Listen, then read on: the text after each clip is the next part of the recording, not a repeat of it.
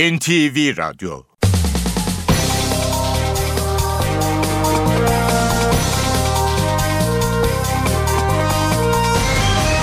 İşe Giderken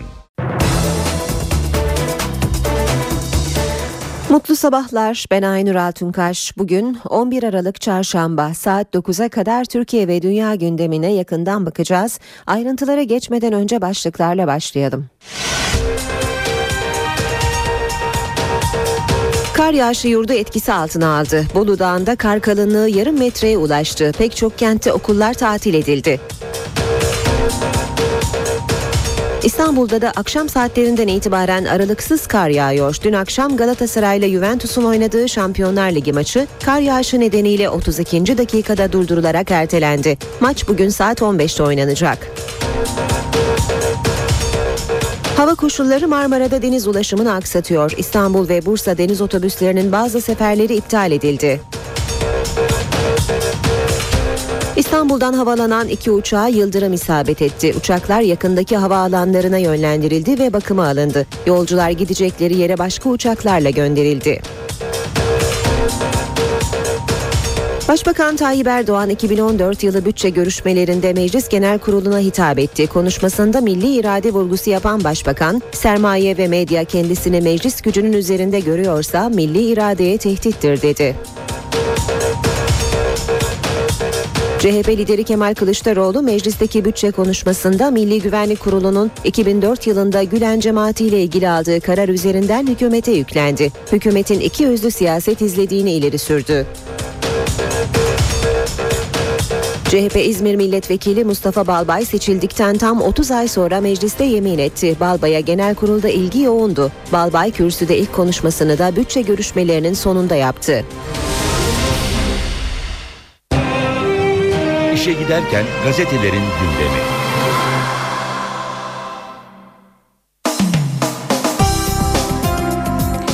Şimdi gündemin gazetelerdeki yankılarına bakacağız. Hürriyet gazetesiyle başlayalım. Bu mu suç diyor Hürriyet manşette. Gezi eylemleriyle ilgili İstanbul'daki 41. iddianameyi hazırlayan savcılık gençlerin canını kurtarmak için camiye sığınmasını da suç saydı. Bugüne kadar İstanbul'da hazırlanan 40 iddianamede toplam 308 kişi suçlanırken 41. iddianamede 7'si yabancı 255 şüpheli var. Savcı memura direnmekten kamu malına zarar vermeye, özel kıyafetleri usulsüz kullanmaktan ibadethaneyi kirletme suretiyle zarar vermeye kadar çok sayıda e, suç sıralıyor diyor Hürriyet gazetesi haberde. Devam edelim yine Hürriyet gazetesinden e, ertelendi başlığıyla Galatasaray ile Juventus arasındaki Şampiyonlar Ligi maçı İstanbul'daki yoğun kar yağışı nedeniyle yarıda kaldı diyor Hürriyet gazetesi. Yine Hürriyet'ten okuyalım. Dünyayı buluşturdu. Güney Afrika'nın efsanevi lideri Nelson Mandela'yı dün yaklaşık 95 bin kişi uğurladı. Stadyumdaki törende 90 devlet ve hükümet başkanı da vardı. Milliyetle devam edelim. Milliyet gazetesinin manşeti hayat hırsızları en pahalı kanser ilaçlarının sahtesini üretip piyasaya süren çete çökertildi. Gözaltına alınanlar arasında eczane çalışanları da var. Bir buçuk yıl önce bir hastanenin kullandığı kanser ilacından şüphelenip Sağlık Bakanlığı'na başvurması 10 milyon liralık operasyonun fitilini ateşledi diyor Milliyet gazetesi. Uzun takibin sonunda harekete geçen polis 9 ilde 56 kişiyi gözaltına aldı. Zanlıların Bağcılar'da matbaa görünümlü bir imalathanede ürettiği ürettikleri sahte ilaçları işbirlikçi ceza e, işbirlikçi ecza depoları ve eczaneler vasıtasıyla piyasaya sürdüğü ortaya çıktı. Meclise milli irade çağrısı yine milliyetten başlık. Başbakan Erdoğan mecliste 2014 bütçesi üzerindeki konuşmasında teröre yönelik mesajlar verdi. Muhalefet partilerine saldırılara kayıtsız kalmayın uyarısı yapan Erdoğan, milli iradeyi korumak sadece iktidarın değil bu salondaki her vekilin birinci vazifesidir dedi.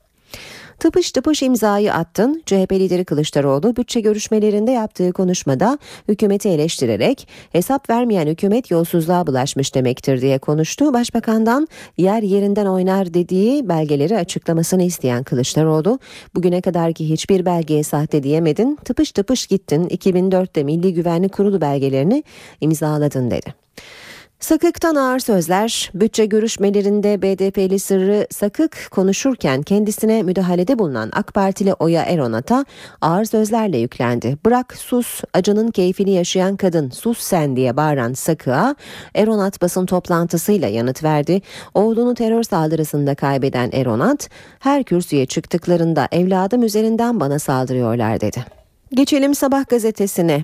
Sabahın manşeti büyüme hızında yine fark attık. Türk ekonomisi yılın 3. çeyreğindeki %4,4 oranında büyümeyle en iyimser tahminlerin de üstüne çıktı diyor Sabah gazetesi haberinde. Devam edelim Gazetelerden başlıklar aktarmaya sırada Zaman gazetesi var. Bizi hangi bilgilere dayanarak sorguladınız diyor Zaman manşetinde. New York Times muhabirleri Amerika içişlerine dava açtı. Türkiye yolculuğu öncesi havaalanında sorgulanan New York Times muhabirleri William Bishop'la Christopher Kivers, Amerikan İçişleri Bakanlığı'nı mahkemeye verdi. Dava bilgi edinme yasasına dayandırılırken gazetenin hukuk müşaviri yardımcısı muhabirlerimizin hükümet tarafından izlenmediğinden emin olmak istiyoruz dedi. Sırada Radikal gazetesi var. Madiba'nın gücü diyor Radikal manşette. Hayatı ırkçılığa karşı mücadeleyle geçen Güney Afrika'nın efsane ismi Mandela son yolculuğunda 89 ülkenin liderini buluşturdu. 2010 Dünya Kupası finalinin oynandığı statta yapılan tören düşman siyasetçileri kaynaştırdı. Törene damga vuran olay Amerika Başkanı Obama'nın 1959'dan bu yana ilişkilerin donduğu Küba lideri Raul Castro ile el sıkışmasıydı. Obama kürsüye Afrika topraklarının evladı olarak çağrıldı. Türkiye beyaza büründü. Kar nedeniyle bazı illerde okullar tatil edildi. Köy yolları kapandı. İstanbul'da kar alarmı verildi diyor Radikal gazetesi. Cumhuriyet'te manşet yeni bir doğum Mustafa Balbay cezaevinde yaşadıklarını ve gelecek planlarını anlattı. Hapishanelerin aydınlar için üretim yeri olduğunu hatırlatıyor Balbay. Kendisinin de Silivri Üniversitesi'nden mezun Sincan'da yüksek lisans yaparken doktorayı bırakıp geldiğini söylüyor. Özgürlükleri konuşalım. Balbay'ın kürsüde çekilmiş e, fotoğrafının altında şunlar yazıyor. Meclis Genel Kurulu'nda ayakta alkışlarla karşılanan Balbay milletvekili yeminini ederek görevine başladı. Balbay bütçe görüşmelerinde yaptığı konuşmada Türkiye'de özgürlük, hukuk, iç ve dış barış açığı olduğunu vurguladı.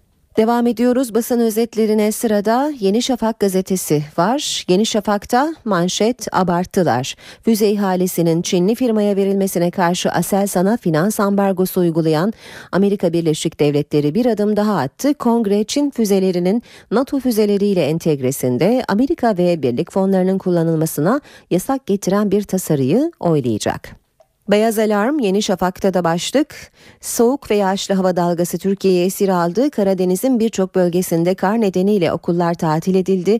Bolu Dağı'nda kar nedeniyle araçlar güçlükle ilerleyebildi. İstanbul'da yağmurla başlayan yağış gece kara dönüştü. Belediye beyaz alarm verdi. Başkan Topbaş toplu taşımayı kullanın uyarısı yaptı. Haber Türkiye bakalım. Habertürk'ün manşeti öldüren muayene. İki amniyosentez sonrası bebek ve anne öldü babaya 16 bin lira borç çıkardılar diyor Habertürk manşetinde. Bütçede tahrik uyarısı yine Habertürk'ten bir başlık. Erdoğan mecliste bütçe konuşmasında terör eylemlerine karşı halkı sağduyulu ve dikkatli olmaya çağırdı.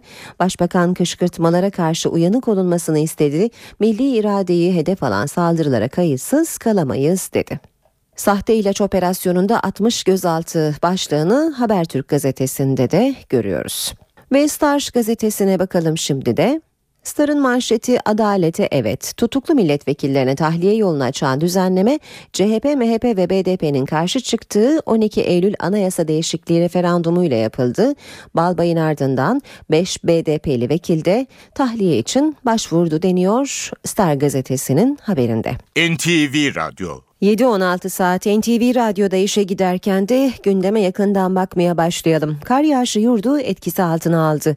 Bolu Dağı'nda kar kalınlığı yarım metreye ulaştı. Pek çok kentte okullar tatil edildi. İstanbul'da dün akşamdan itibaren beyaza büründü. Akşam saatlerinden itibaren aralıksız kar yağıyor. Kar yağışı nedeniyle Şampiyonlar Ligi'ndeki temsilcimiz Galatasaray'ın Türk Telekom Arena stadında İtalya temsilcisi Juventus'la oynadığı maç 32. dakikada durdurularak ertelendi. Maç bugün saat 15'te kaldığı yerden devam edecek. Galatasaray basın sözcüsü Şükrü Ergün'den taraftara bilet uyarısı geldi. Ergün ertelenen maçın biletlerinin yırtık da olsa bugün de geçerli olduğunu hatırlattı. Şükrü Ergün sahanın eksikleri olduğu yönündeki iddiaları da yalanladı.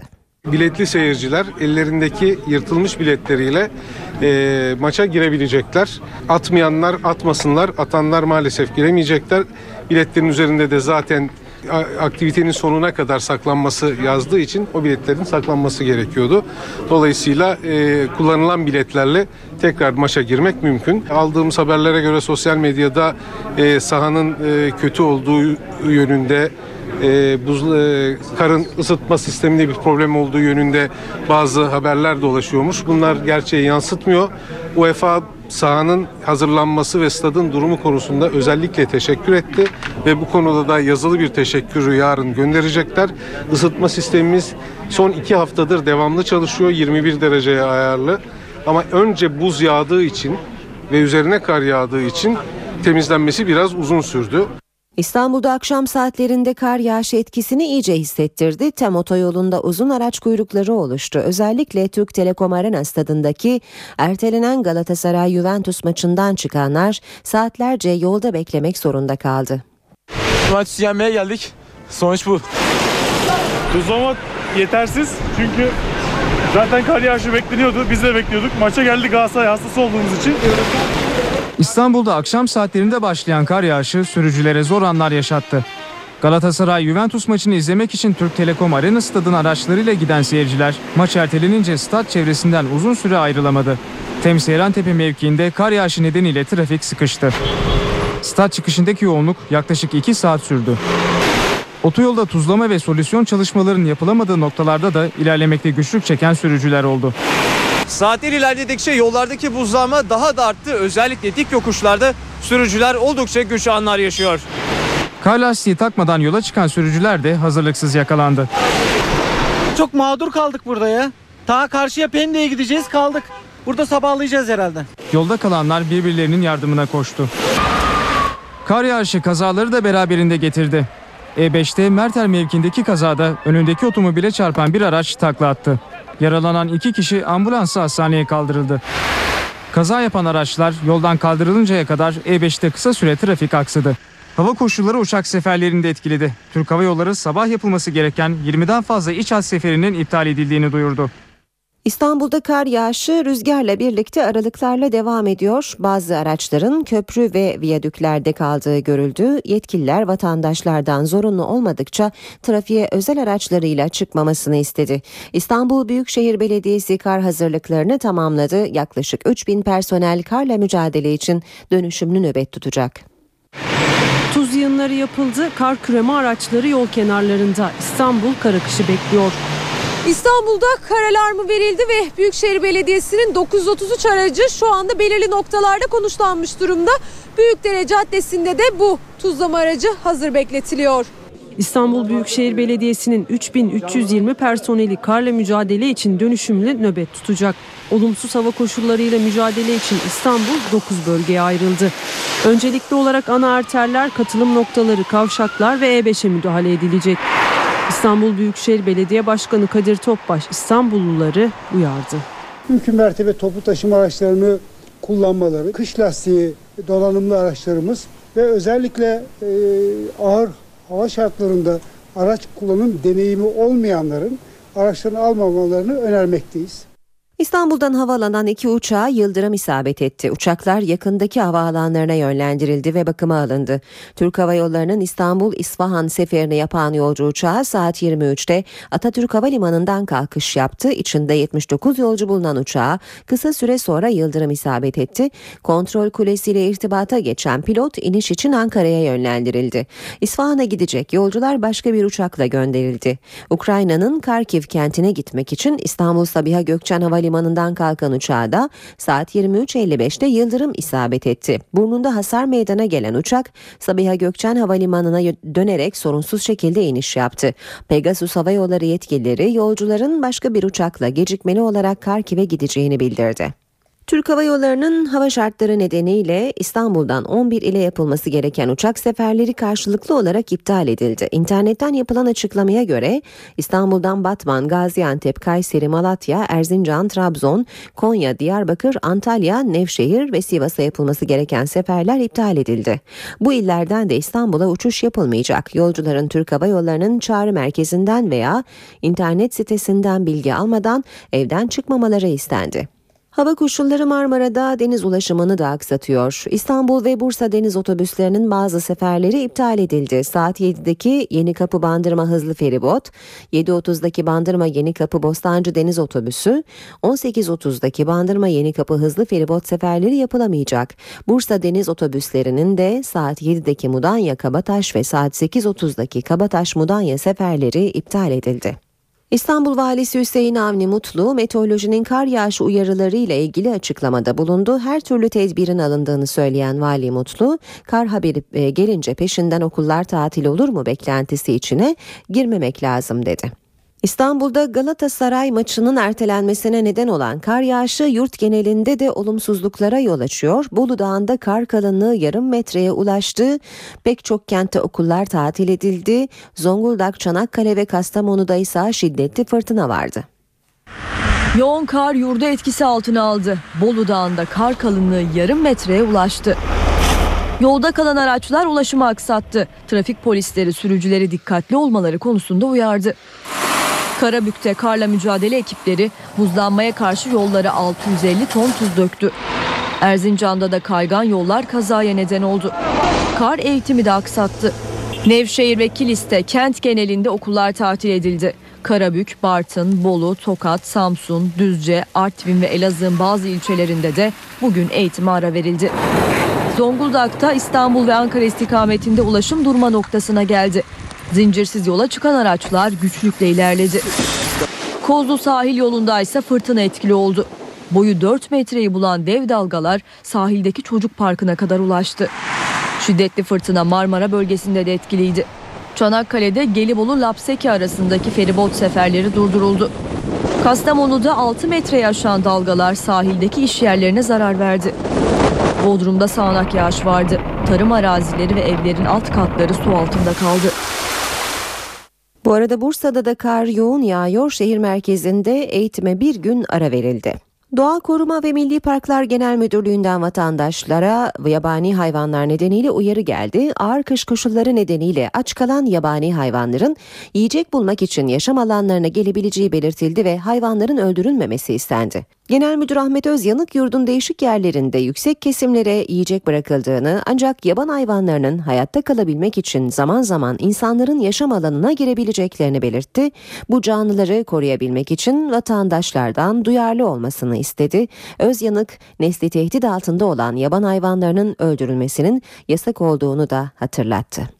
Kış mevsimiyle birlikte şofben ya da sobadan kaynaklanan ölüm haberleri gelmeye başladı. Bursa'da 5 kişi yanlış kullanılan şofben nedeniyle hayatını kaybetti. NTV muhabiri Özgür Yılmaz yapılması ve yapılmaması gerekenleri işin uzmanına sordu. İşte zehirlenmelerden koruyacak uyarılar. Doğalgaz kullanımındaki yanlışlar ölümlere neden oluyor. Son olarak projeye uygun olmayan şofbenin bacasından sızan gaz nedeniyle Bursa'da aynı aileden 5 kişi hayatını kaybetti. Bu alüminyum esaslı bir malzemedir. Çok kolay e, bükülebiliyor. Çok her türlü forma girebiliyor. Ve e, dış darbeleri de çok e, mukavim değil.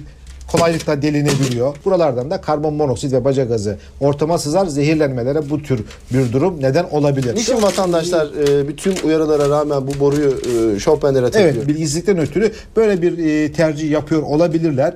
E, buradan vatandaşlarımızı uyaralım. Bağlantıyı eğer bu şekildeki bir malzemeyle yapmışlarsa en kısa sürede bu çelik esaslı malzeme ile değiştirmeleri ve e, olası bir kazanın önüne geçmeleri bu açıdan bu çok önemlidir. Alüminyum folyo diye bildiğimiz ki piyasada metresi 10 liraya satılan boru ölümlerin temel nedeni özellikle de bu borunun hem yanlış bağlanılması hem de bu borunun kullanılması ölümlere neden oluyor ve bir diğer uyarı da kontrollerin yapılması mutlaka evlerinde e, doğalgaz kullananların şofben ve kombilerini e, kontrol ettirmesi ve bakımlarını yaptırması gerekiyor. Yetkisi olmadan cihazların bakımını yapan firmalar da can güvenliğini tehdit ediyor. Bu firmaların da şikayet edilmesi isteniyor. Kar yağışı yurdu etkisi altına aldı. Bolu Dağı'nda kar kalınlığı yarım metreye ulaştı. Pek çok kentte okullar tatil edildi. İstanbul'da da akşam saatlerinden itibaren aralıksız kar yağıyor. Dün akşam Galatasaray ile Juventus'un oynadığı Şampiyonlar Ligi maçı kar yağışı nedeniyle 32. dakikada durdurularak ertelendi. Maç bugün saat 15'te oynanacak. Hava koşulları Marmara'da deniz ulaşımını aksatıyor. İstanbul ve Bursa deniz otobüslerinin bazı seferleri iptal edildi.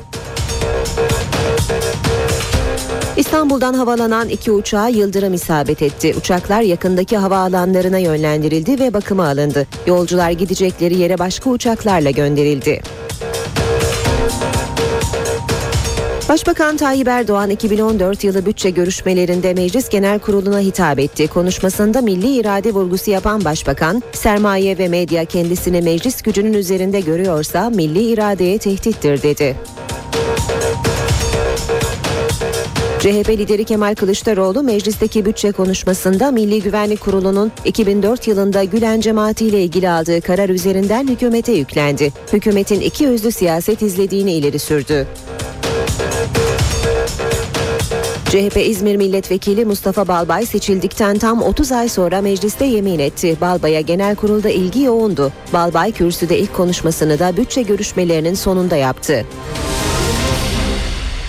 Saat 7.36 NTV Radyo'da işe giderken de birlikteyiz. İstanbul'da akşam saatlerinde başlayan kar sabah etkisini arttırdı. Rüzgar da etkili oluyor karla beraber. Kentteki son durumu şimdi NTV muhabiri Baran Bilal'e soracağız. Ee, Baran e, kar yağışı nerede ne kadar etkili oluyor? Yolda kalan araçlar var mı? Kapalı yollar var mı? Kentteki durumu bize aktarır mısın? Biz şu an Anadolu yakasında Kavacık'tayız hemen Fatih Sultan Mehmet Köprüsü'ne bağlantı noktasında. Burada oldukça yoğun bir trafik var ancak şunu söyleyebiliriz. E, köprü üzerinde ve hemen gerideki bağlantı yollarında şu an olağanüstü bir durum yok. Çünkü burada özellikle bu noktaya e, yoğun bir şekilde solüsyon çalışması yapılmıştı. Dolayısıyla her ne kadar ağır bir trafik akışı olsa da öyle tamamen kilitlenmiş bir trafik yok. Çok da olağanüstü bir durum yok. Zaten şu saatlerde İstanbul trafiğinde köprü her zaman yoğun olur. Ancak bir parçada yine de sürücüler ağır bir şekilde yollarına devam ediyorlar tabii ki. Çünkü oldukça kaygan bir e, asfaltlar, bir zemini var. İstanbul genelinde dediğim gibi e, yağış etkisini daha da arttırdı. Dün akşam saatlerinde iyice etkili olmaya başlamıştı. Gece e, yer yer e, yine e, kar yağışı devam etti. Ancak öyle çok da kuvvetli bir e, yağış yoktu. Buna rağmen sabah saatlerinde yine şu sıralarda daha etkili bir yağış var. Yine e, tabii ki sürücüler zaman zaman güç anlar zor anlar yaşıyorlar. Çünkü e, zaman zaman zincirsiz e, yola çıkan e, sürücüler olabiliyor. Onlar yolda kalıyorlar. Tabii ki bir araç yolda kaldığı zaman bu hemen e, gerideki noktaları da sirayet ediyor bu yoğunluk. Öte yandan e, yüksek yerlerde yine solüsyon çalışmalarının, tuzlama çalışmalarının yapılamadığı yüksek yerlerde, ara sokaklarda ciddi sıkıntılar yaşayabiliyor sürücüler. Kent genelindeki durumu bu şekilde özetleyebiliriz. Sözü yeniden size bırakalım. Baran teşekkürler. Biz e, gündemdeki diğer gelişmelerle devam edelim işe giderkene. Başkente bakacağız şimdi. Başbakan Erdoğan 2014 yılı bütçe görüşmelerinde Meclis Genel Kurulu'na hitap etti. Konuşmasında milli irade vurgusu yapan başbakan, sermaye ve medya kendisini meclis gücünün üzerinde görüyorsa milli iradeye tehdittir ifadesini kullandı. Başbakan bazı çevrelerin çözüm süreciyle sağlanan huzur ortamını bozmak istediğini söyledi. Açık açık ilan ediyorum. Son günlerde sahnelenmek istenen tahrikler doğrudan doğruya milli iradeye yöneliktir. Huzura yöneliktir. Barışa yöneliktir. En önemlisi de seçim sürecini etkilemeye yöneliktir. Başbakan Erdoğan bütçe konuşmasında Yüksekova'da yaşanan gerginliği provokasyon olarak niteledi. Başbakan Erdoğan isim vermeden terörle arasına mesafe koymamakla eleştirdiği BDP'ye yüklendi.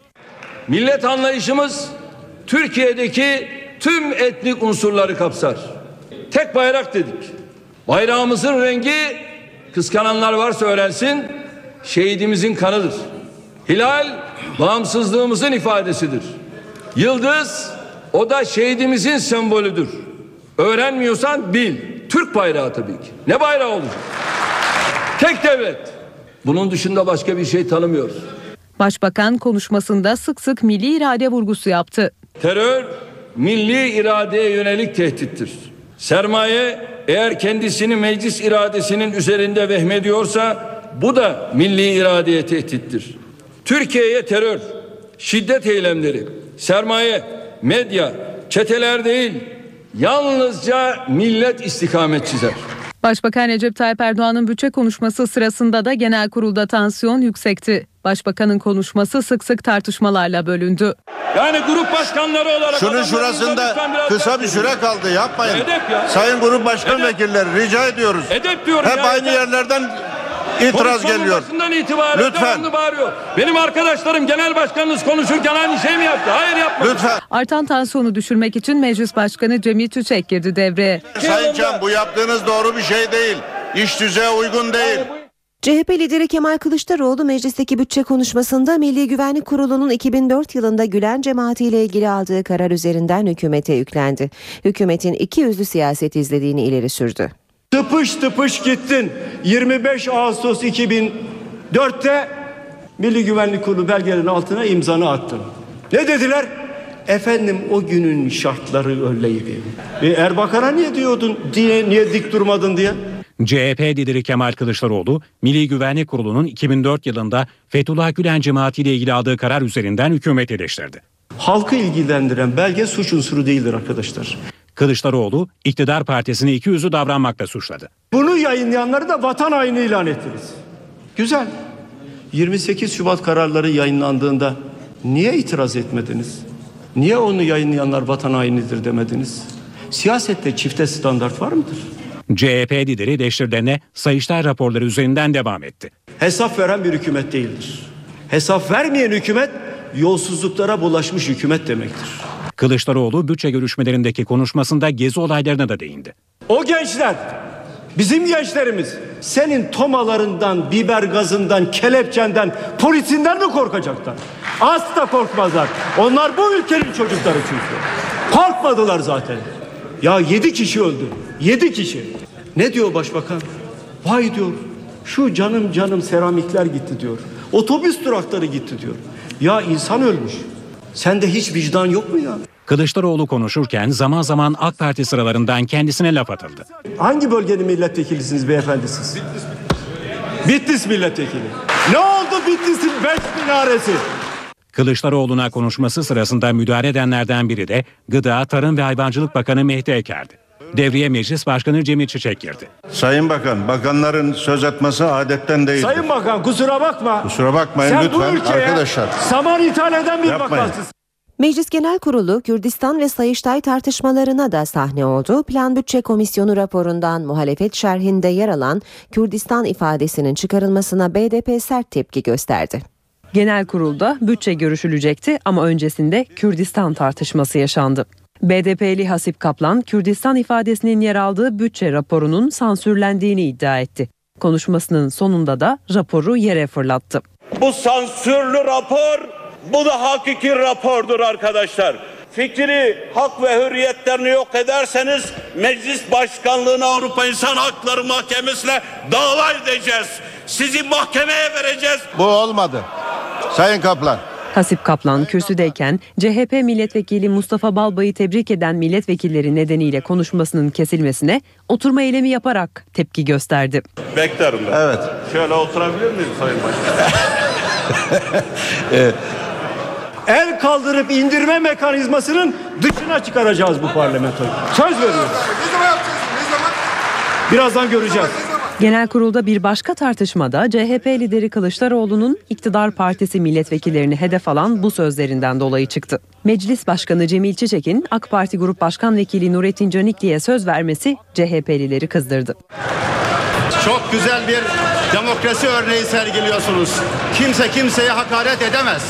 Milletvekilleri Canikli'ye söz verdiği için Meclis Başkanı Cemil Çiçek'i sıralara vurarak protesto etti. Elektronik sistem bozuluyor. Vurup vurmamak sizin takdiriniz ama elektronik sistemi bozuyorsunuz. CHP'li ince kürsüye çıktığında ise protesto sırası AK Partililerdeydi. Arkadaşlar yapmayın. Bakınız. Lütfen yapmayın. Robot gibi olmayın. Dik durun. Yasamanın üyesi olun. Bu diktatöre boyun eğmeyin deyince kızacaksın. Hadi oradan. Hadi oradan. 2014 bütçesinin görüşüldüğü Meclis Genel Kurulu'nda BDP'li Sırrı Sakık'ın AK Partili Oya Eronat'a acının keyfini yaşayan kadın demesi tartışmalara yol açtı. Sakık'ın sözlerine Oya Eronat ve Başbakan Erdoğan'dan tepki geldi. Acının keyfini yaşayan kadın sus sen. Sen Lütfen sayın milletvekilleri. Meclis Genel Kurulu'ndaki bütçe maratonunun ilk gününe liderlerin konuşmaları kadar AK Parti Diyarbakır Milletvekili Oya Eronat'la BDP Muş Milletvekili Sırrı Sakık arasındaki tartışma damgasını vurdu. BDP'li Sakık, oğlunu Diyarbakır'daki bir terör saldırısında kaybeden Eronat'ı bu durumu siyasi malzeme yapmakla suçladı. Lütfen, sen Lütfen sayın milletvekilleri. Eronat Sakık'a yanıtını düzenlediği basın toplantısında verdi. Bana her kürsüye çıktıklarında evladım üzerinden saldırıda bulunuyorlar. Ben bu çirkin cümleyi ve bu sözün sahibini kamuoyunun vicdanına bırakıyorum. Gözyaşlarını tutamayan Eronat, ben mücadele yolunu seçtim dedi. Bir e, anneye söylenmemesi gereken bir cümle sarf edildi. Ne yapsaydım yani? Evladımın acısını alıp otursa mıydım? Ama ben mücadele yolunu seçtim. Tartışma bütçe görüşmelerinde konuşan Başbakan Recep Tayyip Erdoğan'ın da gündemindeydi. Milletvekilimiz Oya Eronat kardeşime terör örgütü tarafından şehit edilmiş yavrusuna acı acının keyfini sürüyorsunuz gibi bir yaklaşımla ifade etmiş olması bana göre hiç yakıştıramadığım ne edebe sığar ne adaba sığar hiçbir şeye sığmaz ve hüngür hüngür ağlatmaya onun hakkı yoktu. Gelip onun da Oya Hanım'dan özür dilemesi gerekir. CHP İzmir Milletvekili Mustafa Balbay seçildikten tam 30 ay sonra mecliste yemin etti.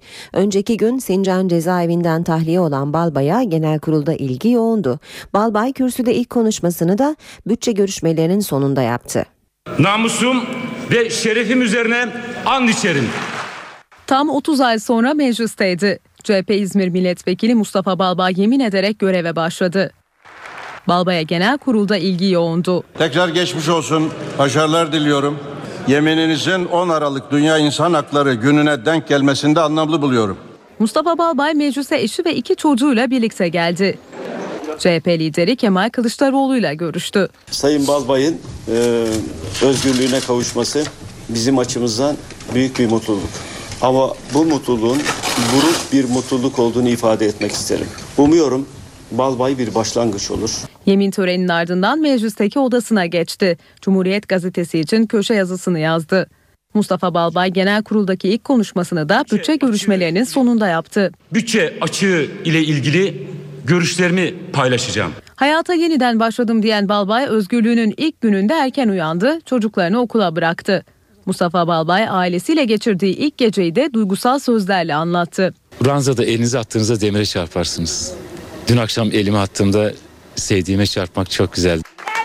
Tutuklanmadan önce Ankara temsilcisi olarak görev yaptığı Cumhuriyet Gazetesi'ne ziyareti öncesinde de heyecanlı bir bekleyiş vardı. Odasına gelen çiçekler aynı 4 yıl 9 ay önceki haliyle korunuyor Mustafa Balbay'ın. Balbay cezaevinden çıktıktan sonra ilk kez odasına gelecek ve Gündem isimli köşesini 4 yıl 9 ayın ardından cezaevinde değil masasında kaleme alacak. Bu toplumda özgürlükler konuşulsun yeter diyorum. Benden özür dilenmesin. Balyoz davasında 18 yıl hapis cezası alan MHP İstanbul Milletvekili emekli kor general Engin Alan Anayasa Mahkemesi'ne başvurdu. Alan'ın avukatı Mustafa Balbay'ı örnek göstererek adil yargılama hakkının ihlal edildiğini savundu.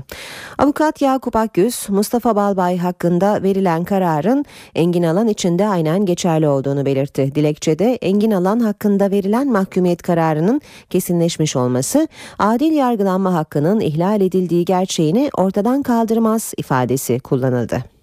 Bütçe görüşmelerinde sadece liderler arasında değil Dışişleri Bakanı Ahmet Davutoğlu ile CHP İzmir Milletvekili Mustafa Balbay arasında da polemik yaşandı. Mustafa Balbay Meclis Genel Kurulu'nda yaptığı ilk konuşmada Dışişleri Bakanı Davutoğlu'nu eleştirdi. Balbay ben Sayın Davutoğlu'nun televizyon konuşmalarını izlerken acaba baştaki D harfi düştü mü diye sormadan edemedim. D düştü Davutoğlu Avutoğlu oldu ifadesini kullandı. Ahmet Davutoğlu'nun Balbay'ın eleştirilerine yanıtı gecikmedi. Davutoğlu, Balbay'ın da B'sini düşürdüğünüzde albaylık yaparak bir darbe teşebbüsünde bulunduğunuz suçlamasını teyit etmiş olursunuz dedi. 10. Cumhurbaşkanı Ahmet Necdet Sezer'le Cumhuriyet Halk Partisi Genel Başkanı Kemal Kılıçdaroğlu Müjdat Gezen'in yazıp yönettiği Olmasaydı isimli tiyatro gösterisini izledi. Yeni Mahalle Nazım Hikmet Kongre ve Sanat Merkezi'ndeki gösteriyi 10. Cumhurbaşkanı Ahmet Necdet Sezer ve eşi Semra Sezer'in yanı sıra CHP lideri Kemal Kılıçdaroğlu, CHP Zonguldak Milletvekili Mehmet Haberal ve Yeni Mahalle Belediye Başkanı Fethi Yaşar da izledi. Sezer ve eşine salondakiler yoğun ilgi gösterdi. Gösteri sonrası kulise geçen Kılıçdaroğlu ve haber alsa Müjdat Gezen'i tebrik etti. 25 Ekim'de ilk gösterimi yapılan oyunda Atatürk Samsun'a çıkmadan önce İngilizler tarafından öldürülseydi ne olurdu sorusuna cevap aranıyor. NTV Radyo Herkese yeniden günaydın. Ben Aynur Altunkaş. Yeni saate başlıyoruz. Gökhan Abur stüdyoda birazdan son hava tahminlerini soracağız. Önce gündemin başlıklarını hatırlayalım. Kar yağışı yurdu etkisi altına aldı. Bolu Dağı'nda kar kalınlığı yarım metreye ulaştı. Pek çok kentte okullar tatil edildi. İstanbul'da da akşam saatlerinden itibaren aralıksız kar yağıyor. Dün akşam Galatasaray ile Juventus'un oynadığı Şampiyonlar Ligi maçı kar yağışı nedeniyle 32. dakikada durdurularak ertelendi. Maç bugün saat 15'te oynanacak. Hava koşulları Marmara'da deniz ulaşımını aksatıyor. İstanbul ve Bursa deniz otobüslerinin bazı seferleri iptal edildi. İstanbul'dan havalanan iki uçağa yıldırım isabet etti. Uçaklar yakındaki havaalanlarına yönlendirildi ve bakıma alındı. Yolcular gidecekleri yere başka uçaklarla gönderildi. Başbakan Tayyip Erdoğan 2014 yılı bütçe görüşmelerinde Meclis Genel Kurulu'na hitap etti. Konuşmasında milli irade vurgusu yapan başbakan, sermaye ve medya kendisini meclis gücünün üzerinde görüyorsa milli iradeye tehdittir dedi. CHP lideri Kemal Kılıçdaroğlu meclisteki bütçe konuşmasında Milli Güvenlik Kurulu'nun 2004 yılında Gülen cemaati ile ilgili aldığı karar üzerinden hükümete yüklendi. Hükümetin iki yüzlü siyaset izlediğini ileri sürdü. CHP İzmir Milletvekili Mustafa Balbay seçildikten tam 30 ay sonra mecliste yemin etti. Balbay'a genel kurulda ilgi yoğundu. Balbay kürsüde ilk konuşmasını da bütçe görüşmelerinin sonunda yaptı. Evet yurdumuza kar etkili geldi. Çok az ilimiz dışında tüm yurtta kar var. Kış koşulları etkili. İstanbul büyük metropolde kar esareti yaşıyor. E, yollarda çok korkulduğu gibi trafik oluşmadı. Rutin yoğunluğa e, bir kademe daha fazla artan bir yoğunluk e, etkili oluyor diyebiliriz. E, ama bugün e, kar ne kadar yağacak? İstanbul'da e, ne kadar etkili olacak merak ediyoruz. Gökhan Abur yanımızda. Merhaba Sayın Abur. Merhaba günaydın. Şu an etkili yağıyor rüzgarla Ee, beraber. Evet yani şu anda karayel sert esmeye devam ediyor. İstanbul'a bakıyorum karayelin hızı 35 ile 40 kilometre arasında değişiyor. Ve dolayısıyla karayelin etkili hızlı esmesi kar yağışının özellikle sabah erken saatlerden itibaren daha da yoğunlaştırdı. Şu anda Maslak'ta e, bir hayli güçlü yağıyor. Türkiye yani İstanbul'un hemen hemen büyük bir çoğunluğunda kar yağışı oldukça etkili. Aralıklarla devam edecek ve karayel kuvvetli esmeye e, devam edecek bugün için. Dolayısıyla sıcaklıklar da düşük hissedilecek. Bugün için şu anda İstanbul'da hava sıcaklığı, termometre sıcaklığı sıfır derece. İstanbul'un bazı yerlerinde eksi değerleri gösteriyor. Fakat bugün hissedilen sıcaklıklar eksi 3 ile eksi 5 derece arasında değişecek. Ona göre tedbirli olun ve rüzgarın ve karın bu şekilde sert esmesi de viyadüklerde ve köprülerde buzlanmayı arttıracak. Evet İstanbul'dan hemen Türkiye'nin geneline geçmek istiyorum. Çünkü hakikaten İstanbul'un büyük dışında büyük çoğunlukta ülkenin büyük çoğunluğunda yağış var. Bu yağışlar yer yer kuvvetli olmak üzere devam ediyor. Ee, biraz evvel de vurguladığımız gibi kıyı Ege ve Batı Akdeniz dışında her yerde yağış var ve soğuk hava etkisiyle etkisini giderek arttırıyor ve Güneydoğu'da da kar yağışları başladı. Güneydoğu'nun hemen hemen bütün illerinde şu anda aralıklarla kar yağışı var. Gün içinde Orta ve Doğu Karadeniz'de yağışlar daha da kuvvetlenecek ki şu an itibariyle Samsun'daki kar yağışı son ölçümlerde oldukça kuvvetli gibi gözüküyordu. Samsun'dan Trabzon'a kadar olan bölgedeki kar yağışlarının gün içinde de etkisini giderek arttırmasını bekliyoruz. Aynı şekilde Marmara'nın doğusunda Sakarya, Bilecik, Kocaeli, e, oradan Batı Karadeniz'e geçtiğimiz zaman Bolu, Karabük, Kastamonu ve kıyı kesimlerdeki kar yağışları gün boyu aralıklarla devam edecek. Yağışlar yarın, yarın biraz batıda ara veriyor ama İstanbul'da da yağışın yarın da aralıklara devam etmesini bekliyoruz ki bu gece kısa süreli yağışlarla beraber don olayı da var. Özellikle köprülerde, viyadüklerdeki buzlanmaya karşı çok daha dikkatli olunmalı.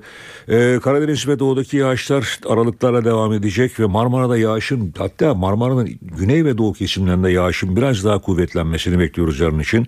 Cuma günü Marmara, Karadeniz ve doğudaki yağışların aralıklarla devam edecek.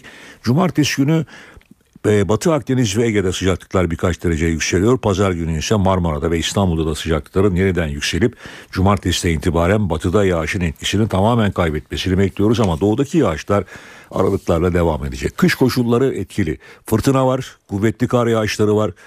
Hem Ege'de, Akdeniz'de, Marmara'da, Karadeniz'de fırtına ile birlikte kuvvetli yağışlara karşı tedbirli ve dikkatli olun. Özellikle sürücüler çok dikkatli olsunlar. Ee, uçak seferlerinin çoğu aksadı. Evet, Birçok uçak seferlerinin çoğu yapılamıyor. E, Dolayısıyla e, İDO'nun seferleri şu anda birçok e, iç hat seferleri aksamış durumda. Kış gelince İstanbul'da tabii bunlar alıştı, e, alışıldık manzaralar haline geliyor ama biraz e, kişisel tedbirleri de almakta fayda var değil mi Sayın Abur? E, yani plan var. yaparken, yola çıkarken. E, tabii yani fayda var. E, dolayısıyla e, arabayla çıkmamak lazım. Çünkü Muhakkak. arabanızın en ufak bir arızası. Mesela hala bazı özel araçlarda sabah gelirken e, kış lastiğinin takmadıklarını ve boşu boşuna ki benim geldiğim saatlerde saat 6 sularında daha o kadar yoğun kar yağışı yoktu. Yolda ama yolda, araçlar yolda kalmıştı. araçlar e, çırpınıp duruyorlardı. Bu tip şeylere izin vermemek lazım. Evet. Bu tip şeyleri en azından bireysel olarak kendinizi ona göre ayarlamanız lazım. Ama diyeceksiniz ki vapur seferleri aksıyor. Çünkü İstanbul hakikaten çok büyük bir metropol. Bir yerden bir yere gitmek oldukça zor. Evet. Onun için herkese kolay gelsin. Teşekkür ediyoruz Gökhan Abur. İşe giderken gazetelerin gündemi.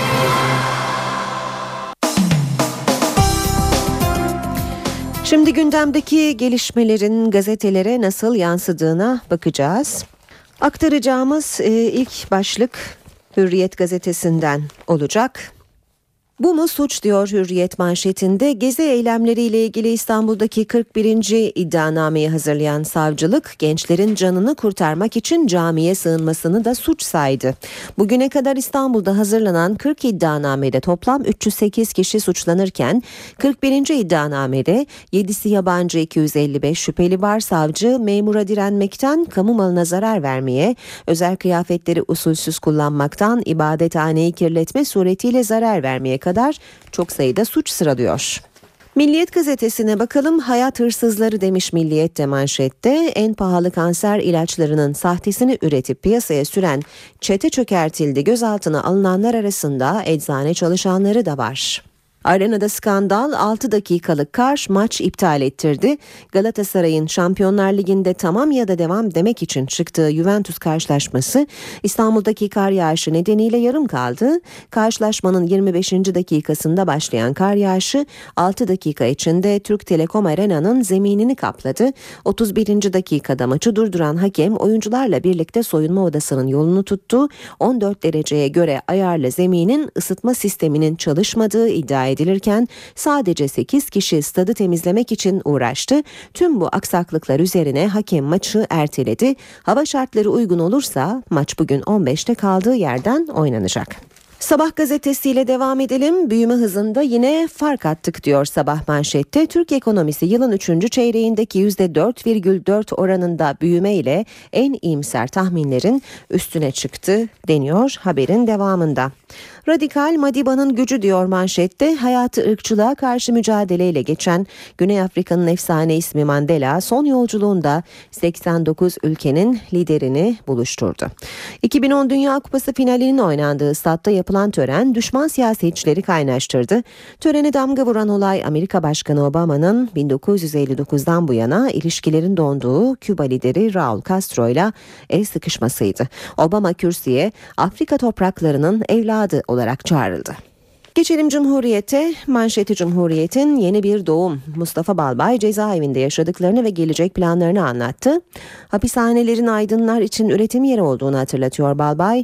Kendisinin de Silivri Üniversitesi'nden mezun Sincan'da yüksek lisans yaparken doktorayı bırakıp geldiğini söylüyor. Özgürlükleri konuşalım başlığı var. Kürsüde görüyoruz Mustafa Balbay'ı. Genel kurulda ayakta alkışlarla karşılanan Balbay milletvekili yemini ederek görevine başladı.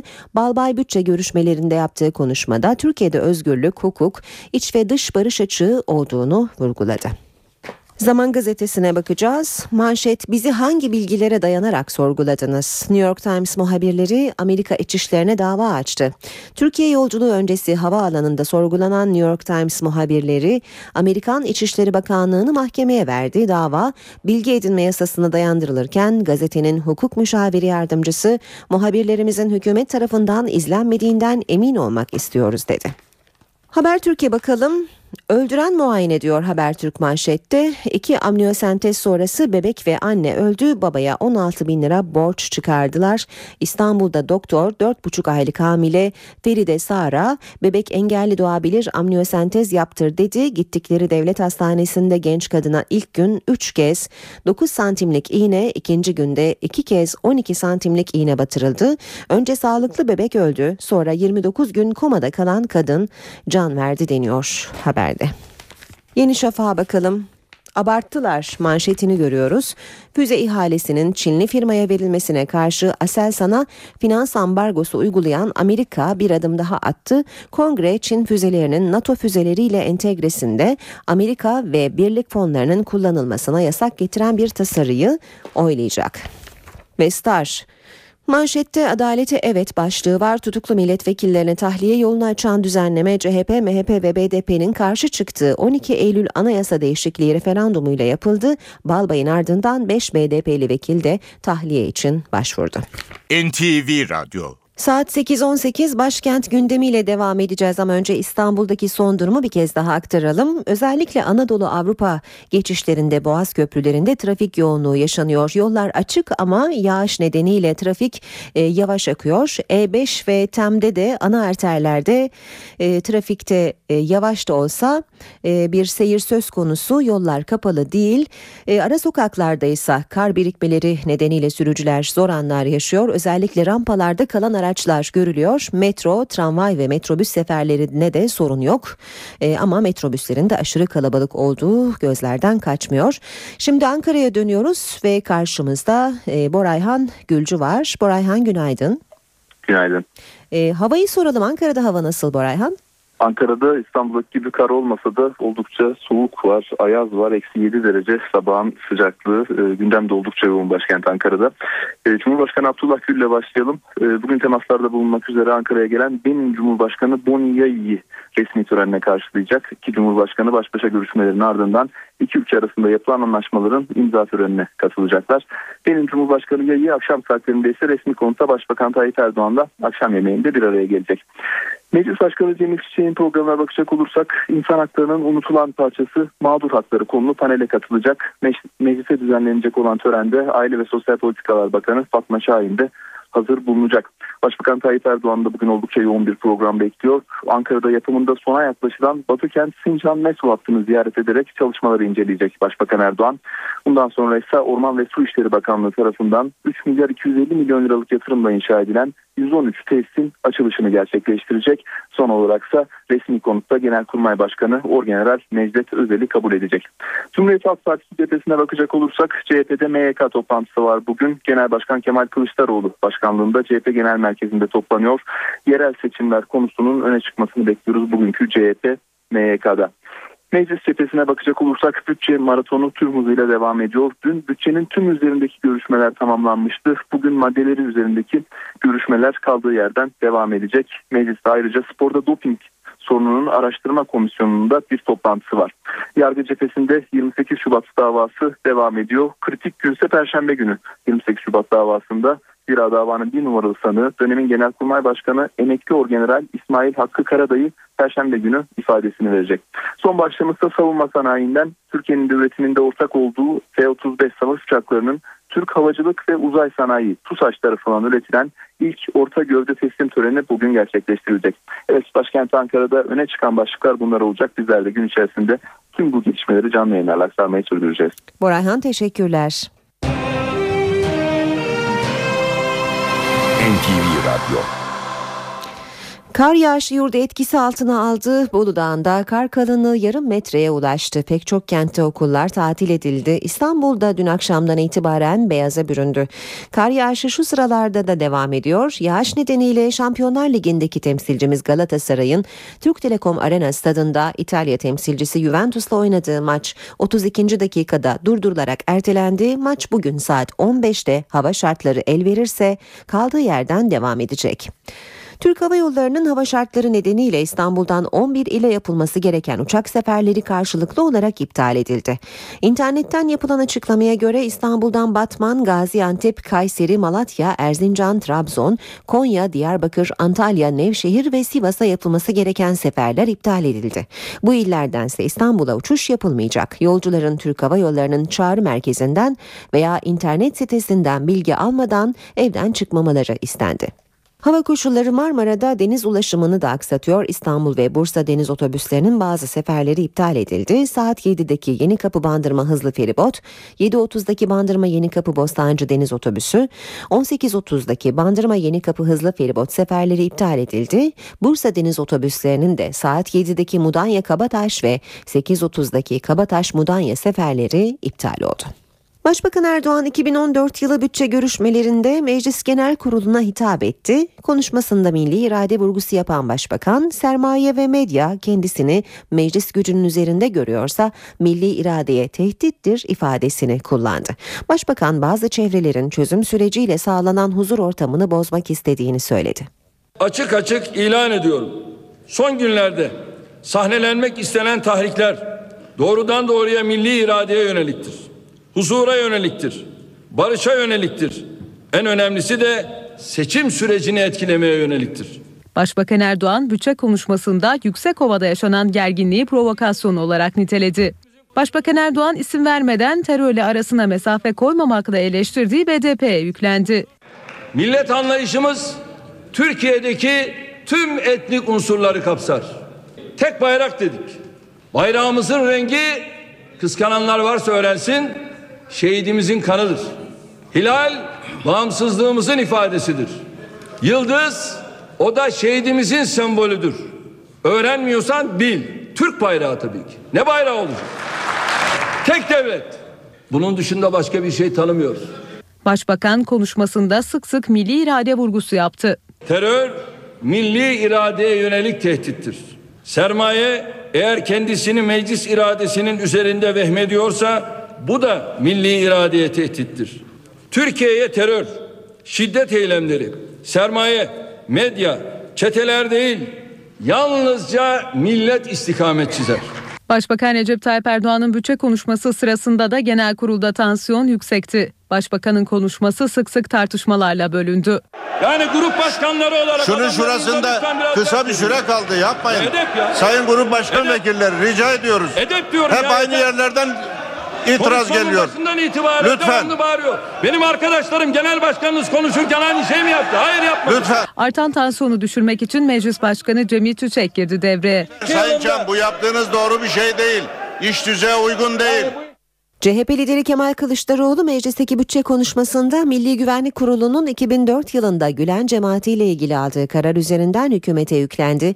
Hükümetin iki yüzlü siyaset izlediğini ileri sürdü. Tıpış tıpış gittin. 25 Ağustos 2004'te Milli Güvenlik Kurulu belgelerinin altına imzanı attın. Ne dediler? Efendim o günün şartları öyleydi. E Erbakan'a niye diyordun diye niye dik durmadın diye? CHP lideri Kemal Kılıçdaroğlu, Milli Güvenlik Kurulu'nun 2004 yılında Fethullah Gülen cemaatiyle ilgili aldığı karar üzerinden hükümet eleştirdi. Halkı ilgilendiren belge suç unsuru değildir arkadaşlar. Kılıçdaroğlu, iktidar partisini iki yüzlü davranmakla suçladı. Bunu yayınlayanları da vatan haini ilan ettiniz. Güzel. 28 Şubat kararları yayınlandığında niye itiraz etmediniz? Niye onu yayınlayanlar vatan hainidir demediniz? Siyasette çifte standart var mıdır? CHP lideri eleştirilerine Sayıştay raporları üzerinden devam etti. Hesap veren bir hükümet değildir. Hesap vermeyen hükümet yolsuzluklara bulaşmış hükümet demektir. Kılıçdaroğlu bütçe görüşmelerindeki konuşmasında gezi olaylarına da değindi. O gençler, bizim gençlerimiz senin tomalarından, biber gazından, kelepçenden, polisinden mi korkacaklar? Asla korkmazlar. Onlar bu ülkenin çocukları çünkü. Korkmadılar zaten. Ya yedi kişi öldü. Yedi kişi. Ne diyor başbakan? Vay diyor. Şu canım canım seramikler gitti diyor. Otobüs durakları gitti diyor. Ya insan ölmüş. Sende hiç vicdan yok mu ya? Kılıçdaroğlu konuşurken zaman zaman AK Parti sıralarından kendisine laf atıldı. Hangi bölgenin milletvekilisiniz beyefendi siz? Bitlis milletvekili. Ne oldu Bitlis'in beş minaresi? Kılıçdaroğlu'na konuşması sırasında müdahale edenlerden biri de Gıda, Tarım ve Hayvancılık Bakanı Mehdi Eker'di. Devreye Meclis Başkanı Cemil Çiçek girdi. Sayın Bakan, bakanların söz atması adetten değil. Sayın Bakan kusura bakma. Kusura bakmayın Sen lütfen bu ülkeye arkadaşlar. saman ithal eden bir Yapmayın. bakansın. Mustafa Balbay cezaevindeyken milletvekili seçilmişti. Seçildikten tam 30 ay sonra dün meclise gitti, yemin ederek resmen vekilliğe başladı. Önceki gün Sincan cezaevinden tahliye olan Balbay'a genel kurulda ilgi yoğundu. Balbay milletvekili olarak kürsüde ilk konuşmasını da bütçe görüşmelerinin sonunda yaptı. Namusum ve şerefim üzerine and içerim. Tam 30 ay sonra meclisteydi. CHP İzmir Milletvekili Mustafa Balbay yemin ederek göreve başladı. Balbay'a genel kurulda ilgi yoğundu. Tekrar geçmiş olsun, başarılar diliyorum. Yemininizin 10 Aralık Dünya İnsan Hakları gününe denk gelmesini de anlamlı buluyorum. Mustafa Balbay meclise eşi ve iki çocuğuyla birlikte geldi. CHP lideri Kemal Kılıçdaroğlu'yla görüştü. Sayın Balbay'ın e, özgürlüğüne kavuşması bizim açımızdan büyük bir mutluluk. Ama bu mutluluğun buruk bir mutluluk olduğunu ifade etmek isterim. Umuyorum Balbay bir başlangıç olur. Yemin töreninin ardından meclisteki odasına geçti. Cumhuriyet gazetesi için köşe yazısını yazdı. Mustafa Balbay genel kuruldaki ilk konuşmasını da bütçe görüşmelerinin sonunda yaptı. Bütçe açığı ile ilgili görüşlerimi paylaşacağım. Hayata yeniden başladım diyen Balbay özgürlüğünün ilk gününde erken uyandı, çocuklarını okula bıraktı. Mustafa Balbay ailesiyle geçirdiği ilk geceyi de duygusal sözlerle anlattı. Ranzada elinizi attığınızda demire çarparsınız. Dün akşam elimi attığımda sevdiğime çarpmak çok güzeldi. Tutuklanmadan önce Ankara temsilcisi olarak görev yaptığı Cumhuriyet Gazetesi'ne ziyareti öncesinde de heyecanlı bir bekleyiş vardı. Odasına gelen çiçekler aynı 4 yıl 9 ay önceki haliyle korunuyor Mustafa Balbay'ın. Balbay cezaevinden çıktıktan sonra ilk kez odasına gelecek ve Gündem isimli köşesini 4 yıl 9 ayın ardından cezaevinde değil masasında kaleme alacak. Bu toplumda özgürlükler konuşulsun yeter diyorum. Benden özür dilenmesin. Ergenekon davası sanığı Balbay'ın tahliyesinin ardından balyoz davasında 18 yıl hapis cezası alan MHP İstanbul Milletvekili Emekli Kor General Engin Alan da Anayasa Mahkemesi'ne başvurdu. Alan'ın avukatı Balbay'ı örnek göstererek adil yargılama hakkının ihlal edildiğini savundu. Avukatı Engin Alan hakkında verilen mahkumiyet kararının kesinleşmiş olması adil yargılanma hakkının ihlal edildiği gerçeğini ortadan kaldırmaz dedi. Ergenekon davasında 10 yıl hapis cezasına çarptırılan Sami Hoştan'ın infazı hastalık nedeniyle durduruldu. Hoştan geçen günlerde karaciğer kanseri teşhisiyle hastaneye kaldırılmıştı. Adli Tıp İhtisas Kurulu mahkemeye Hoştan'ın infazının 6 ay süreyle ertelenmesinin uygun olduğunu bildirdi. Mahkeme de Hoştan'ın cezasının infazını durdurdu. Şimdi piyasalara bakalım. BIST 100 endeksi 114 puan azalışla %0,15 oranında değer kaybetti. 74.118 puandan kapandı. Bu sabah dolar 2 lira 2 kuruş, euro 2 lira 79 kuruştan işlem görüyor. Euro dolar 1.38, dolar yen 103 düzeyinde. Altının onsu 1259 dolar, kapalı çarşıda külçe altının gramı 82, çeyrek altın 145 lira, Brent petrolün varili 110 dolar. Kar yağışı yurdu etkisi altına aldı. Bolu Dağı'nda kar kalınlığı yarım metreye ulaştı. Pek çok kentte okullar tatil edildi. İstanbul'da da akşam saatlerinden itibaren aralıksız kar yağıyor. Dün akşam Galatasaray ile Juventus'un oynadığı Şampiyonlar Ligi maçı kar yağışı nedeniyle 32. dakikada durdurularak ertelendi. Maç bugün saat 15'te oynanacak. Hava koşulları Marmara'da deniz ulaşımını aksatıyor. İstanbul ve Bursa deniz otobüslerinin bazı seferleri iptal edildi. İstanbul'dan havalanan iki uçağa yıldırım isabet etti. Uçaklar yakındaki havaalanlarına yönlendirildi ve bakıma alındı. Yolcular gidecekleri yere başka uçaklarla gönderildi. Başbakan Tayyip Erdoğan 2014 yılı bütçe görüşmelerinde Meclis Genel Kurulu'na hitap etti. Konuşmasında milli irade vurgusu yapan başbakan, sermaye ve medya kendisini meclis gücünün üzerinde görüyorsa milli iradeye tehdittir dedi. CHP lideri Kemal Kılıçdaroğlu meclisteki bütçe konuşmasında Milli Güvenlik Kurulu'nun 2004 yılında Gülen cemaati ile ilgili aldığı karar üzerinden hükümete yüklendi. Hükümetin iki yüzlü siyaset izlediğini ileri sürdü. CHP İzmir Milletvekili Mustafa Balbay seçildikten tam 30 ay sonra mecliste yemin etti. Balbay'a genel kurulda ilgi yoğundu. Balbay kürsüde ilk konuşmasını da bütçe görüşmelerinin sonunda yaptı.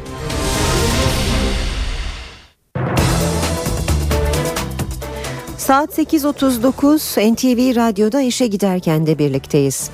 İstanbul merkezli 9 ilde düzenlenen sahte ilaç operasyonu yapıldı. Piyasada zor bulunan en pahalı kanser ilaçlarının sahtelerini üretip piyasaya süren çeteden 56 kişi yakalanıp gözaltına alındı. Aralarında eczane çalışanları da var. Umut tacirlerinin son hedefi kanser hastaları oldu. Piyasada zor bulunan ilaçların sahtesini üreten çete operasyonla çökertildi. İstanbul Güvenlik Şube Müdürlüğü'ne bağlı ekipler çeteyi uzun süredir takip ediyordu. Sabah saatlerinde 9 ilde 130 adrese eş zamanlı operasyon düzenlendi.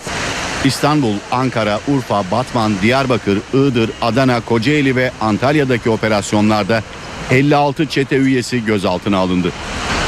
Baskın yapılan adreslerde yüklü miktarda sahte ve son kullanma tarihi geçmiş ilaç ele geçirildi. Şebekenin özellikle Türkiye'de bulunması zor olan ve kanser tedavisinde kullanılan ilaçların sahtelerini piyasaya sürdüğü tespit edildi. Çete üyeleri sahte ilaçları İstanbul Bağcılar'daki bir imalathanede üretip Fatih'teki bazı adreslerden dağıtımını yapıyordu. Şüphelilerin emniyetteki sorguları devam ediyor. Araştırmacılar diyabetle mücadelenin zevkli bir yolunu buldu. Harekete duyarlı video oyunlar diyabetin ilacı. Alman uzmanlara göre günde yarım saat bu tür bir oyunu oynamak kandaki şeker seviyesini düzenliyor. Hatta hastaların kilo vermesini sağlıyor. Dijital ortamda hareketli oyunla diyabet kontrol altına alınabilir. Bu tespit Alman araştırmacılara ait. Alman araştırmacılar hareket algılayan oyunların tip 2 diyabete iyi geldiğini ortaya koydu. Günde yarım saat oyun oynayan diyabet hastalarının kan şekeri seviyelerinde düşüş gözlemlendi. Hastalar kilo verdi. Diyabet hastaları oyunlarla birlikte sağlıklarının genel olarak iyileştiğini, hayat kalitelerinin de arttığını belirtti. Uzmanlara göre aktif yaşamak diyabet hastaları için önemli. Zira hareket kandaki insülinin daha etkin kullanılmasını sağlıyor, kilo almamaya yardımcı oluyor. Bu bakımdan araştırmacılar hareket algılayan oyunların insanları daha aktif hale getirmek için iyi bir alternatif olabileceği görüşünde. Türkiye ekonomisi büyümesini sürdürdü. Büyüme hızıyla Türkiye dünyada en hızlı büyüyen ilk 10 ekonomiden biri oldu. Ekonomi yönetimi de açıklanan veriden memnun. Türkiye 3. çeyrekte %4,4 büyüdü. Böylece ekonomi 16 çeyrek üst üste genişlemiş oldu. 2013 yılının ilk 9 aylık dönemindeki ekonomik büyüme de %4 olarak gerçekleşti. Türkiye bu büyüme oranıyla dünyanın en hızlı büyüyen 7. ülkesi oldu. %7,8'lik büyüme hızıyla Çin ilk sırada yer alırken onu %5,8 ile Singapur ve %5,6 ile da Endonezya takip etti. Malezya, Hindistan ve Şili de 3. çeyrekte Türkiye'den daha hızlı büyüyen ülkeler oldu. Büyüme verilerini NTV yayınında değerlendiren Ekonomi Bakanı Zafer Çağlayan, yıl sonu hedefimize yaklaşıyoruz dedi. Evet 3. çeyrek büyüme rakamlarını dört dörtlük değerlendiriyorum. Ama asıl beni sevindiren tarafı, asıl bu önemli gözüken nokta %4.2'lik e, büyümenin özel sektör makine ve tesisat yatırımında olması. Bu gösteriyor ki daha fazla yatırım, daha fazla üretim, daha fazla ihracat ve daha fazla istihdam sağlanacak. Başbakan Yardımcısı Ali Babacan ve Bilim, Sanayi ve Teknoloji Bakanı Nihat Ergün de büyüme rakamlarının orta vadeli program hedeflerine uyumlu olduğunu belirtti. Dünyadan haberlere bakalım. İlk sırada Ukrayna var. Devlet Başkanı Yanukovych ne Rusya'dan vazgeçerim ne de Avrupa'dan diyor. Çoğunluğu genç olan protestocularsa meydanlarda gösterileri sürdürüyor. NTV'den Mete Çubukçu Kiev'e gitti. Protestocu gençlerle konuştu. Ukrayna'da hükümet karşıtı eylemler haftalardır devam ediyor. Protestoların hedefindeki isim devlet başkanı Viktor Yanukovych eski devlet başkanlarıyla görüştü. Ardından da siyasi krize çözüm aramak için Kiev'e giden Avrupa Birliği Dış İlişkiler Direktörü Catherine Ashton'la bir araya geldi. Yanukovych eski devlet başkanlarıyla görüşmesinde hem Rusya hem de Avrupa Birliği ile yakın ilişki yürütmek istediklerini söyledi. Ne Rusya için Avrupa'dan ne de Avrupa için Rusya'dan vazgeçme niyetindeyiz. Bir araya gelmenin bir yolunu bulmamız gerekiyor. Yanukovych'in orta yol bulma çabası olarak gösterilen bu açıklaması ikilemi çözmekten uzak. Peki sokaktakiler ne diyor? NTV'den Mete Çubukçu bu soruya yanıt almak için Kiev sokaklarındaydı. Ukrayna'daki kriz çözülse bile ileriye taşınacak gibi görünüyor. Evet Karadeniz komşumuz Ukrayna 2004 yılındaki turuncu devrim sonrası en büyük en ciddi siyasi krizini yaşıyor. Eylemlere katılan bazı gençlere göre sorunlar görünenden daha fazla. Gençler elbette varlar. Ancak bıkkınlık ve sorunların birikmişliğinin e, sonucu onlar birçok şeyi reddetmeye yönelmişler. Ben daha iyi bir gelecek için buradayım. Sadece kendim için değil, gelecek nesiller için de. Daha iyi şartlarda yaşamak istiyoruz. Bazı eylemciler ise ülkenin Rusya ile yakınlaşmasına net şekilde karşı çıkıyor.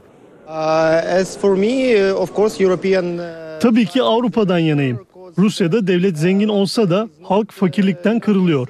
Oysa Avrupa'da sosyal refah mevcut. Ukrayna'daki olaylar gece de devam etti. Polis Kiev kent meydanında kamp kuran protestocuların etrafını sardığı meydanda göstericilerle polis zaman zaman karşı karşıya geldi.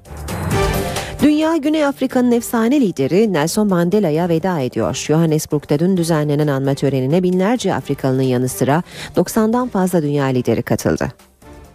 Johannesburg'daki FNB stadyumunda on binler Güney Afrika'nın efsanevi lideri ülkenin ilk siyah devlet başkanı Nelson Mandela'ya veda için buluştu. Güney Afrika'nın dört bir yanından uçaklar, otobüsler, trenler, otomobiller hatta yürüyerek geldiler. Kendilerini ırk ayrımına karşı yıllarca mücadele ederek özgürleştiren baba olarak andıkları Mandela'ya veda etmek için. Sadece onlar değil dünyanın dört bir yanından 90'dan fazla lider de Mandela'ya veda etmek için bu stadyumda buluştu. Mandela sadece Afrikalıları ırk ayrımcılığından kurtarmadı. Beyazları da ayrımcılıktan kurtardı. Onun sayesinde ülkemiz güzel bir geleceğe yelken açtı. Yağmurlu gerçekleşen tören dünya liderleriyle birçok ünlü ismi bir araya getirdi. Amerikan Başkanı Barack Obama, Küba Devlet Başkanı Raul Castro, Brezilya Devlet Başkanı Dilma Rousseff törene katılanlar arasındaydı. Eski top model Naomi Campbell, oyuncu Charlize Theron ve U2'nun solisti Bono da törende yer aldı. Çocukluğunu sürüleri gülerek geçiren Mandela 20. yüzyılın en büyük kurtarıcısı oldu. Tıpkı Gandhi gibi direnişe önderlik etti. Martin Luther King gibi ezilmişlerin sesi oldu ve ırk eşitliği için savaştı.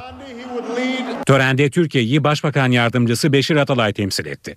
Tören tarihi bir anada tanıklık etti. Amerika Birleşik Devletleri Başkanı Barack Obama, Küba Devlet Başkanı Raul Castro'nun elini sıkarak ayaküstü sohbet etti.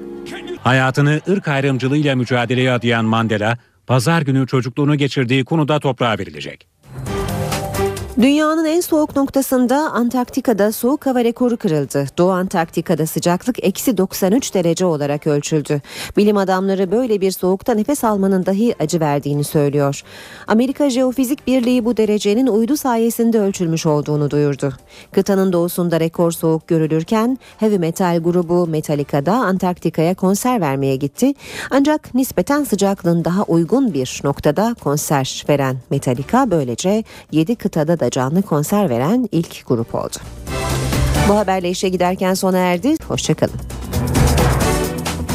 NTV Radyo